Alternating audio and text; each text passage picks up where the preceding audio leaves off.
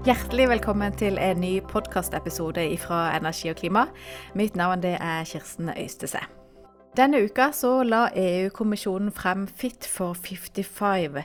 Denne klimapakka den inneholder tolv tiltak og lovforslag som i sum skal sørge for at EU kutter utslippene med minst 55% innen 2030, og når målet om klimanøytralitet i 2050. Vi skal starte med å høre et eh, lite utdrag fra EU-president Ursula von der Leyens pressekonferanse. Europe is now the very first continent that presents a comprehensive architecture to meet our climate ambitions. We have the goal, but now we present the roadmap to how we are going to get there. Change on this scale is never easy, even when it's necessary. And for that reason, there are some who will say we should go slower, we should go lower, we should do less. But when it comes to climate change, doing less or doing nothing literally means changing everything. Vi har målene. Nå presenterer vi veikartet som viser hvordan vi skal komme dit. Endringer i denne størrelsen det er aldri enkelt, selv når det er nødvendig. Derfor så vil noen si at vi må gå saktere og gjøre mindre. Men når det kommer til klimaendringer, betyr å gjøre mindre eller å gjøre ingenting i realiteten å forandre alt. Det var ordene til EU-president Ursula von der Leyen. I dagens podkast skal vi snakke om hva Fit for 55 inneholder, hva politikkforslagene innebærer, og hvordan klimapakka er mottatt. Med fra Brussel er energi- og klimas egen Brussel-korrespondent Alf Ole Ask. Velkommen. Tusen takk skal du ha. Her i Norge så er vi på vei inn i en, si, en fellesferierytme. Hvordan er stemningen i Brussel? Er Fit for 55 en, en snakkis på T-banen? Ja, Det er jeg ikke så, så, sikker på om det er noen stor snakkes på T-banen. Men det er klart, i, eh, i eh, den gryende valgkampen i Frankrike f.eks., og i, i, valgkampen i Tyskland, eh, og sånn så er det, er det en snakkis. Og her i Belgia og deler av Tyskland, hvor man nå har disse flommene og dette uværet, så er det klart at klima Eh, spørsmålet rykker mye mye nærmere for, for folk her. Så sånn sett så, så er det en snakkis. Men, men foreløpig så er det nok ikke så mange som har liksom fått med seg detaljen i dette enorme eh, antall forslag som ble lagt fram på onsdag. Nei, for som du sier, dette er jo svært. Altså, det er jo en, en pakke med tolv forslag, og det er masse dokumenter og teknikaliteter og kompliserte forslag egentlig som du skal bruke litt tid på, på å studere. Eh, men hvis vi skal eh, si litt om hovedessensen her. altså Det er jo forslag til som, som, enten innebærer ny eller strammere klimapolitikk. Kan du gjøre et forsøk på å dra ut hovedessensen i det som EU-kommisjonen nå har lagt frem? Ja, for folk flest i EU, hvis vi starter der, da, eh, så er nok dette at eh, bygninger og eh, transport får et eget kvotesystem. Oversatt til folkelig norsk så betyr jo det at Eh, regninga di for å varme opp eh, eller avkjøle boligen og det å forflytte seg, særlig med bil, vil bli mye dyrere. Og det, dette er et veldig kontroversielt eh, forslag. For omverdenen så er det klart at forslaget om såkalt klimatoll, hvor de som da vil importere sement, stål, aluminium, gjødsel f.eks. til EU-land eh, da må betale en, eh, eller kjøpe seg en sånn klimasertifikater eh, som da utligner den forskjellen der i, produksjonskostnader for de bedriftene i EU som da produserer og er en del av kvotesystemet, og de som da produserer i land som ikke har denne type tiltak. Utenrikspolitisk så er dette et ganske omstridt forslag, fordi det finnes nok en del av EUs handelspartnere som mener at dette er i strid med med WTO-reglene. Det mener da EU-kommisjonen som har lagt frem forslaget, at det ikke er. Så, så, det er liksom to ganske tunge ting. Og så finnes det en masse andre, andre saker innimellom. Og disse to, er det, de, er det de som, eh, som, på en måte kampen vil stå om, eller de som er det viktigste og, og kommer til å få mest oppmerksomhet fremover også, av disse tolv tiltakene? Eller hvordan, hvordan, vil du rangere de, og hvor viktig er resten av pakka? Jeg, tror det er veldig vanskelig å rangere det. Men eh, jeg var i går eh, kveld i EU-parlamentet. Eh, hvor da eh, Frans Timmermans, som jo er visepresident i EU-kommisjonen og som har ansvaret for eh, klimapolitikken, for første gang hadde et møte med, med medlemmene av miljøkomiteen i parlamentet. Og der er det ikke noe tvil om hvilken enkeltsak som, som dominerte debatten så langt. Det var nettopp dette med å få bygninger og, og transport inn i et kvotesystem som, som da gjør eh, sender prisen opp. Det var mange som er, er bekymret eh, for det, og kommisjonen har jo sukret den pillen med å lage et eh, klima, eller sosialt klimafond. De har jo ikke laget det, de har foreslått det hvor da EU eh, e skal bruke en del av pengene som da, bruke av pengene som da de får som inntekter på dette kvotesystemet, til å støtte klimatiltak blant de svakest stilte, og hvor også medlemsstatene da kan gi direkte økonomisk støtte. Kommisjonen eh, foreslår å legge litt over 70 milliarder euro i potten, det er masse penger, 700 millioner i over syv år, og at medlemsstatene skal gjøre det samme. Dette høres ut som et gigantisk fond, men det er også gigantiske utgifter hvis man skal klare å få folk med lavere inntekter over på elbil, Eh, bedre isolering av hus, over på grønnere eh, energi for oppvarming osv. Når dette forslaget om å lage et eget kvotemarked for, eh, for transport og bygninger, hva er det bekymringene munner ut i? Altså, hva, hva, er årsaken til at man er bekymra for å ta dette grepet? Det er eh, bl.a. fordi man ser at dette rammer sosialt veldig skjevt. Og man har jo friskt i minne de gule vestene i Frankrike. Eh, TV-bildene hjemme i Norge var jo ofte da av folk som brant biler i, i sentrum av uh, Paris. Men eh, dette er et mye breiere sosialt opprør i bl.a. Frankrike. Eh, særlig utover på landsbygda, hvor folk ser at de får enorme økninger i sine kostnader, mens pensjoner og lønninger osv. da ikke følger etter. Og du har et slags sånn begrep de opererer med EU som kan oversettes til energifattigdom. Det er altså folk som da ikke lenger har penger eller har råd til å dekke sine energiutgifter. Eh, og at denne gruppen da er økende, det eh, kan bli et betydelig politisk problem. Særlig de landene som da nå skal ha valg parallelt med at man eh, skal vedta denne pakken. Frankrike eksempel, kommer i en veldig spesiell situasjon fordi de om et halvt år overtar formannskapet i EUs ministerråd, og er jo det landet som da skal lose denne pakken igjennom. Samtidig som de har en presidentvalgkamp og en valgkamp til eh, nasjonalforsamlingen. Eh, det blir ingen lett eh, øvelse med tanke på at bl.a. dette forslaget ligger på bordet.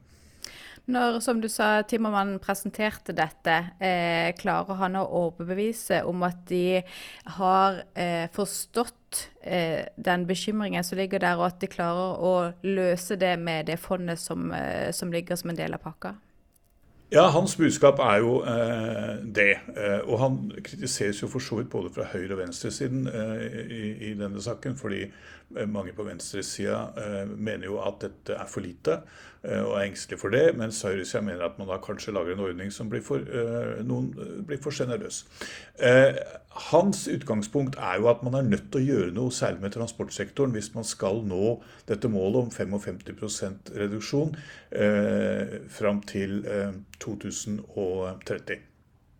Eh, og, og, det eh, og Hvis man da ikke får, får, får eh, gjort noe eh, med det, så, så, når man ikke det målet. Eller så må man stramme inn eh, mye sterkere på andre områder. Så dette her er jo en slags balansert pakke. sånn at hvis du tar vekk én bit, så må du liksom putte inn noe annet. det er liksom hans resonnement rundt dette. Hvis vi zoomer litt ut og ser på summen av disse tolv tiltakene som hele pakka innebærer, hva er det kommisjonen får til med å legge dette fram? Altså, bakgrunnen her er jo for så vidt at EU har satt noen mål for sine utslipp. og Denne pakken er jo, er jo rett og slett en oppfølging av de målene som EU landene allerede er enige om. Eh, så Sånn sett kan du si at bordet, bordet fanger. Det EU-kommisjonen gjør med å legge fram denne pakken, det er jo å liksom fortelle i detalj hva må til på de enkelte områdene for å komme i mål.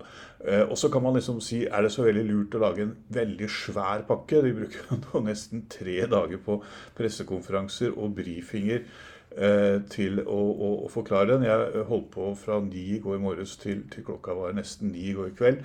Eh, sammenhengende med, med, med, med, enten å vente eller være på, på, brifinger. Og de skal ha nye runder i dag, og de skal ha noen runder på fredag. Eh, men det er jo nettopp fordi de mener at eh, de må vise at her henger alt sammen ting sammen med, alt. Eh, og at dette er en, pakke som de må eh, få gjennom. Det er komplekst. Og hvis du da rører på én bit, så må du, som jeg sa i stad, erstatte det med noe annet. Så det er liksom for å vise hele kompleksiteten eh, i, i, dette. Og det eh, Du siterte jo eh, EU-kommisjonens president innledningsvis. og, det, og eh, både hun og Timmermans jo, gjentar jo nå eh, akkurat det samme. At liksom, alternativet er ikke å gjøre ingenting. man må gjøre noe. Og skal man nå målene, så må man eh, gjøre dette, gjøre dette eh, i en sånn samlet pakke. Fordi alle sektorer må bidra. Og Hvis vi ser pakka som en helhet, hvem eller hva har disse nye tiltakene størst konsekvenser for? Så Dette kommer til å gjøre vondt for alle. det. Eh, og det, er, det er, jo, eh, er, jo, meldingen. Det kommer til å gjøre vondt for den alminnelige forbruker. Dette kommer til å gjøre vondt for, for industrien. Dette kommer til å merkes eh, hele samfunnet igjennom. Det er ingen som, det er ingen som har friplass på denne karusellen her. Men så prøver jo eh, kommisjonen å fortelle en historie om at eh, dette også skal skape nye verdier, bedre liv, nye muligheter. Eh, klarer de å overbevise der? Nei, Det er jo, det er jo av de, av en av de store utfordringene for kommisjonen. fordi at alle folk vet jo på en måte hva de, hva de har i dag folk kommer til, Noen jobber kommer jo til å forsvinne eh, i, i, i denne eh, transformasjonen, og, og, noen jobber kommer til. Men det er klart det er mye enklere uh, å sette seg ned og kjempe for å bevare den jobben man allerede har, enn å tro at det kommer en ny en et eller annet stykke ned i, i, veien. Så det er klart at dette, dette er en kjempeutfordring. For det, for å, ikke bare for kommisjonen, men for de enkelte lands eh, regjeringer osv. å selge det. Men budskapet fra kommisjonen er at de ikke har noe annet valg. Denne pakka har jo fått oppmerksomhet i Norge, fordi Norge er et eh, så å si fullverdig medlem av EU sin eh, klimapolitikk. Hva konkret betyr Fit for 55 for Norge? Ja, det er vel Egentlig er det bare dette energiskattedirektivet av alle direktivene som har lagt fram, som ikke får en slags direkte konsekvens for Norge. Nå skal jo da Norge og EU etter hvert som denne prosessen skrider fram, avgjøre hva som er EØS-relevant osv. Det skjer jo i en avklaring. Men eh, kommer, altså, karbontollen kommer til å få eh, konsekvenser. Norge er jo da innafor systemet fordi vi er en del av EUs kvotehandelssystem. Eh, vi må, eh, sånn som det ligger an nå, eh, trolig øke Eh, kuttene i ikke-kvotepliktig sektor eh, mer enn hva man gjorde da Stortinget behandlet dette i vår. Eh, vi kommer til å Dette kan få konsekvenser for hvordan vi driver skogbruk i Norge, indirekte. Bare for liksom å ta et helt annet tema. Den planen presenteres først i morgen. Ja, så, så Norge kommer til å, å, å møte dette på en rekke områder og her kommer, som det heter, djevelen til å være i detaljene. Uh, og det kommer til å ta litt tid før vi, før vi uh, har oversikt over det. I pressebrifen så antyder jo Ursula von der Leyen at ikke alle kom til å like det som de la frem, og at noen særlig synes at det går for fort, og at det gjøres for store endringer. Men hvis vi ser reaksjonene og tilbakemeldingene så langt i sum, hvordan er Fit for 55 blitt møtt? Nei, Jeg vil tro eh, at man kan si at, at hennes forventninger er vel oppfylt. Eh, de har fått, eh, de, sånn Umiddelbart så har man fått omtrent de reaksjonene de nok kunne vente.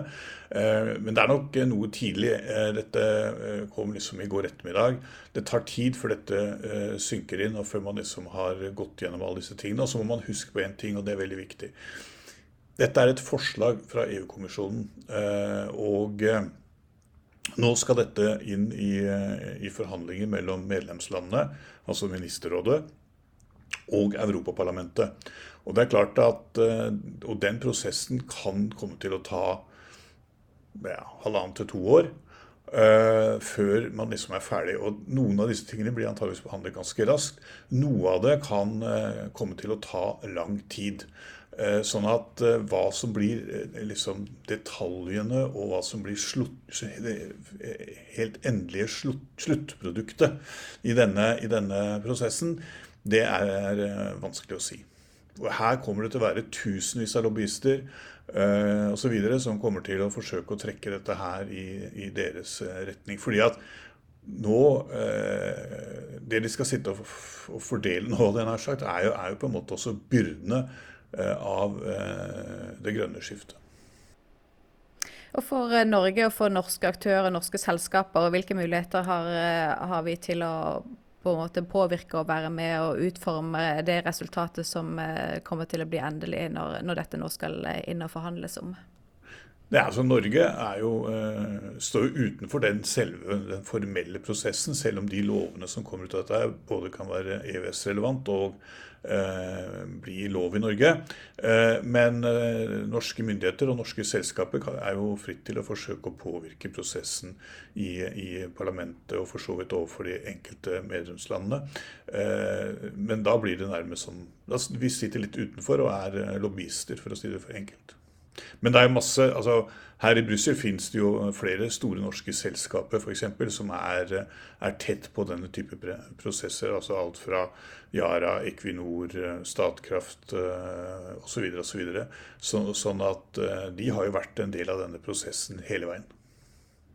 Hvor stort er handlingsrommet da for å gjøre endringer? Altså, dette er kommisjonens forslag, eh, men så er det andre interesser som, som kommer inn. Men er det, er det stort mulighetsrom til å, til å, gjøre justeringer eller komme med helt andre forslag som, eh, til erstatning for de som kommisjonen har lagt på bordet?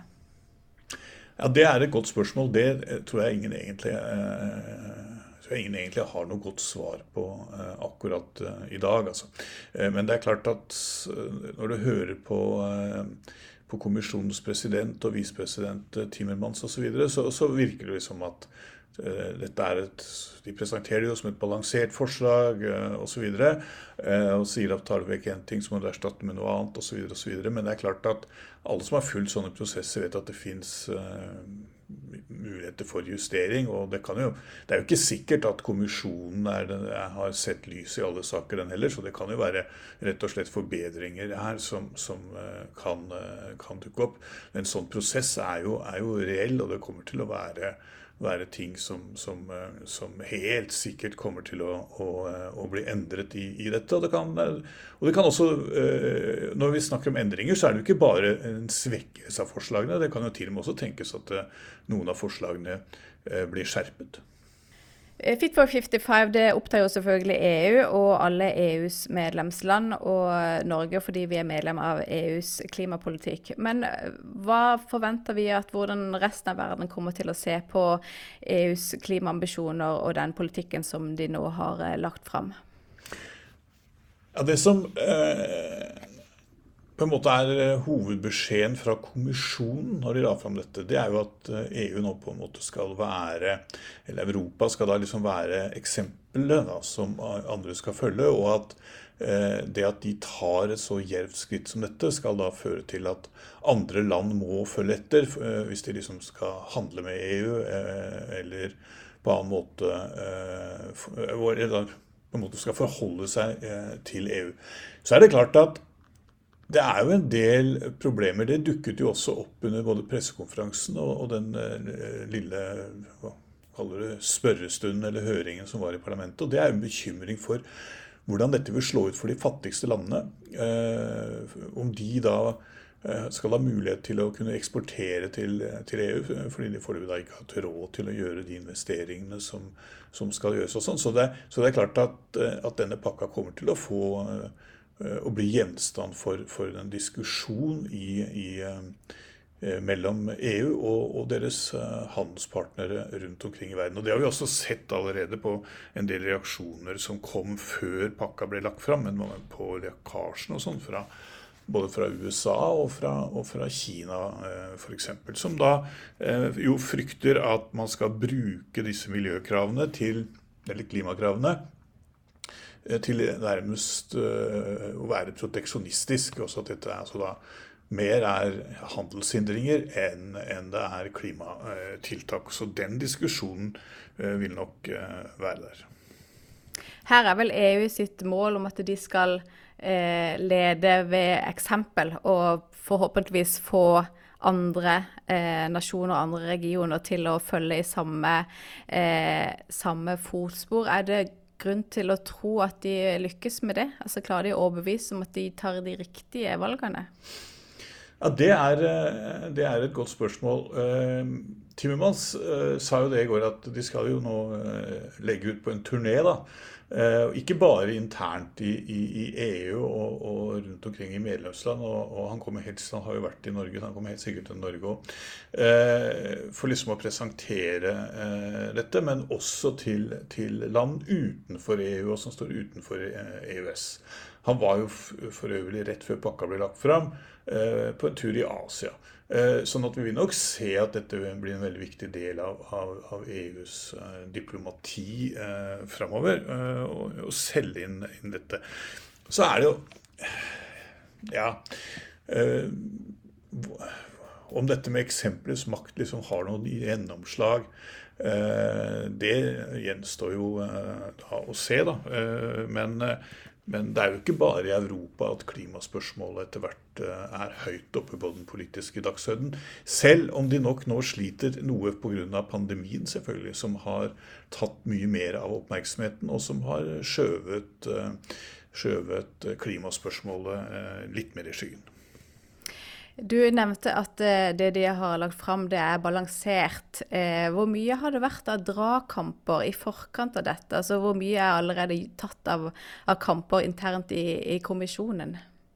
Altså, Kommisjonen sier det er, er er balansert.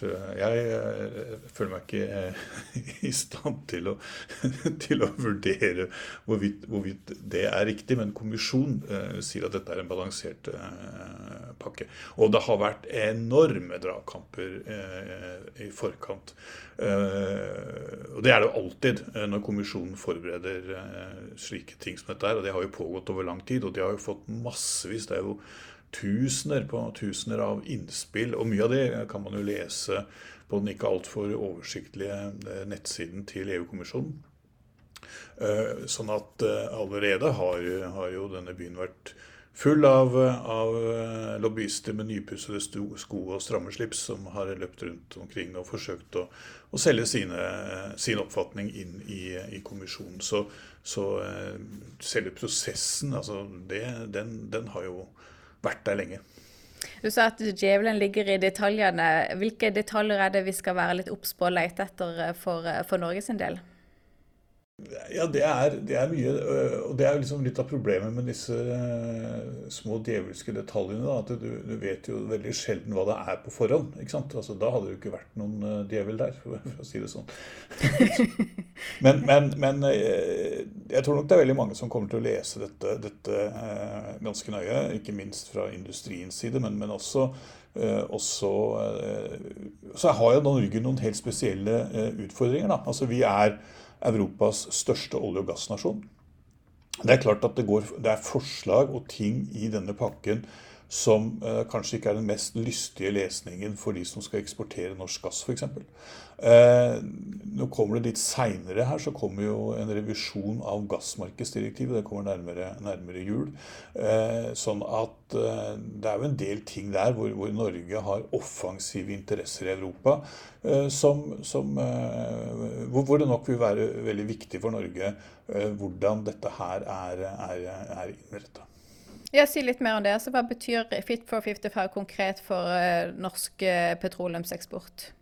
Ja, altså jeg ser jo at det er noen som, som liksom uh, nå allerede er ute og sier at at, et, at, EU i realiteten liksom har, har, bestemt seg for den å si, nesten faset gassen. Så, så dramatisk er det vel ikke første gang dette her tross alt vedtas og sånn. Men det er klart at at eh, på sikt så betyr jo dette, betyr jo dette dramatisk eh, for eksport av, av, gass. Og så er det jo da eh, et fortsatt en ganske stor ukjent faktor.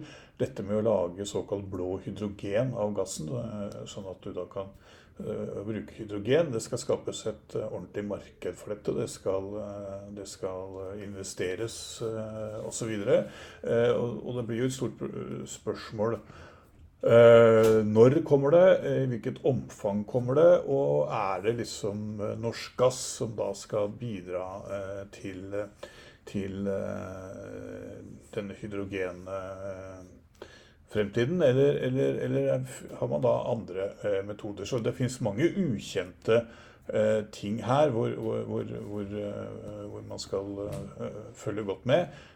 Så, ja, så, og noe av dette Eh, ligger nok en del svar på i eh, denne pakken om man får lest den eh, og sånt. Og mer av dette kommer utover høsten. Nå ligger det mange dokumenter på bordet, de skal leses. men hva er de viktigste milepælene fremover når dette nå videre skal, skal behandles og kvernes i EU-systemet? Ja, det, det, som skjer nå, det er jo at, at Europaparlamentet, EU-parlamentet eh, skal eh, behandle disse sakene. Og så skal de da bli enige med, med Ministerrådet. Og, de, og, dette begynner eh, når EU nå kommer tilbake, eller folk her i Brussel kommer tilbake fra ferie ca. 1.9. Nå har de lagt fram denne pakken nå, eh, og så kommer alle til å slite og dra i den og lese den og, og sånn. Og så går EU-systemet eh, e stort sett på ferie 1.8 og kommer tilbake igjen i slutten av august. Og så begynner man da i september, begynnelsen av september på eh, behandlingen. Og noe av disse tingene kan jo da eh, allerede være avklart, eh, hvis det er noen enkle ting her, være avklart eh, i løpet av noen måneder. Uh, mens uh, jeg tror nok storparten av dette uh, ikke kommer til å være avklart før tidligst utpå nyåret neste år. Det er Slovenia som har formannskapet i, EUs ministerråd dette halvåret. De tiltrådte akkurat nå. og det er vel ingen som egentlig regner med at det blir så mye avklaringer før man da trer inn i det franske formannskapet. Og det er mange sier jo at dette kan havne på svenskenes spor, som da i 2022 Eh, overtar som formannskap i, i, EU. At det er de som får eh, jobben med å, å eh, nær sagt brekke armer og bein og forsøke å bli enig med, med parlamentet om, om, de enkelte de, de, vanskelige sakene. Ja, hvor stor betydning har det hvem som leder formannskapet? Ja, Det har nok ganske stor betydning, fordi dette er en ganske omfattende jobb. Og det er klart Slovenia er et, er et ganske lite land eh, som ikke har så store ressurser, og er også eh, et land som ikke har en veldig lang eh, fartstid i, i, i EU. Eh, franskmennene eh, er jo liksom en av the founding fathers og, og, og eh, har jo på mange måter bidratt til å dominere EU gjennom mange mange år. Og, det, og I tillegg til det så har det jo mye større ressurser. Det er jo tross alt et av av EUs eh, større medlemsland. Så det er klart at eh, det å ha et, eh, ha en, et formannskap med store ressurser er, er ofte viktig i, i, sånne saker. Men man har også sett opp gjennom EUs historie at små land, eh, som kanskje er litt mindre arrogante, f.eks., eh, kan eh, lage vei i vellinga når det gjelder å skape kompromisser. Så, så ja. Så det, det, gjenstår å se. Men ofte vil det være en fordel å, å, å være et stort land. Men samtidig vil det jo for Frankrikes vedkommende være en situasjon hvor vi har en president på valg, og hvor innenrikspolitikk kan jo bety ganske mye for, for hvor aktive eh, de våger å være i denne prosessen. Du, har, eh, du, er nå i Brussel. Du har eh, deltatt på en del pressebrifer og presentasjoner allerede. Du har fått dokumentene, men sikkert ikke fått tid til å se veldig grundig på dem. Men hva, hva er det mest interessante som du har observert og eh, fanga opp så langt av, av, eh, både det som er presentert i Fit for 55 og reaksjonene på det? Ja, du, du har helt rett. Jeg har ikke hatt uh, mulighet til å, til å, sette meg ned og lese selve dokumentene. Jeg har stort sett lest uh, pressemeldinger og de utdragene som, uh, som vi har fått. Så, så så jeg har noe å bruke de neste ferieukene på. Og, le, lese meg opp på, på dette. Så, så, sånn sett er det litt sånn vanskelig å, å, å, å si liksom da noe om, om, om eh, verken reaksjonene eller, eller, hva som på en måte skulle, vil overraske. Men jeg, men jeg må nok si at eh, Jeg vet ikke om jeg er overrasket over det, men, men, men det er klart at eh, det er et tegn i tiden på hvor alvorlig EU ser på klimautfordringene og viljen til å gjøre noe med det.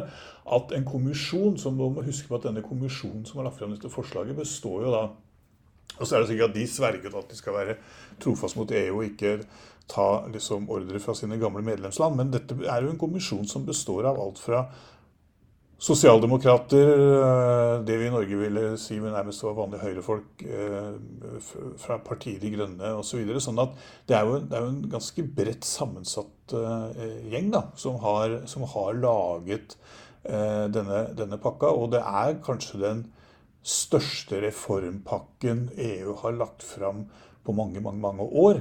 Uh, og uh, den har jo sugd enormt med krefter ut av, av, kommisjonen også, fordi det er jo det har virkelig vært en, en styrkeprøve for dem å, å, få alle disse uh, tingene fram. Så det, det, er nok noe av det du sitter igjen med når dette blir presentert som, som, som Vi kan ikke si det imponerer, men, men, men som, som er, er, er, interessant å, å, å se på.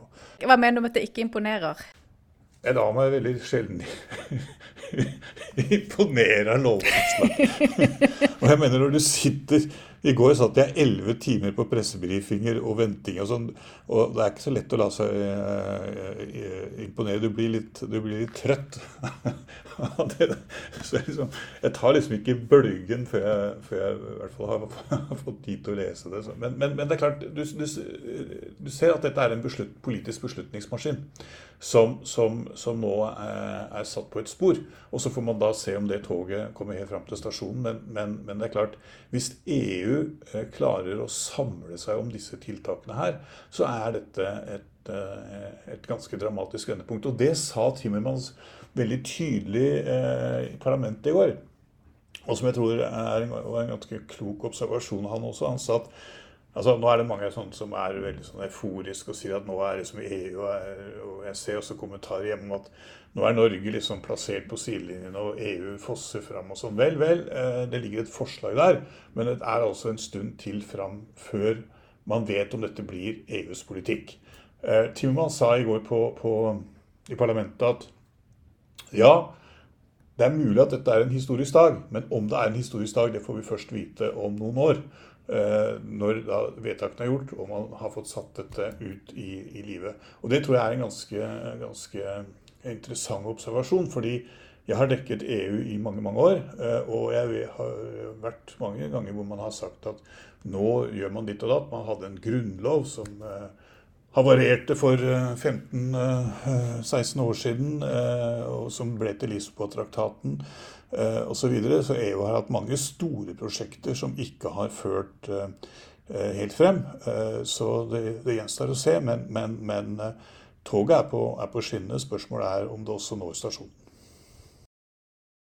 Da sier jeg tusen takk for at du var med og rapporterte fra Brussel så langt. Dette er jo en innledning om, om en eh, stor reform, som du sier, og vi skal komme tilbake når vi har eh, dykka ned i, i, dokumenter og, og sett nøyere på, på detaljene. Så da kommer vi tilbake til det.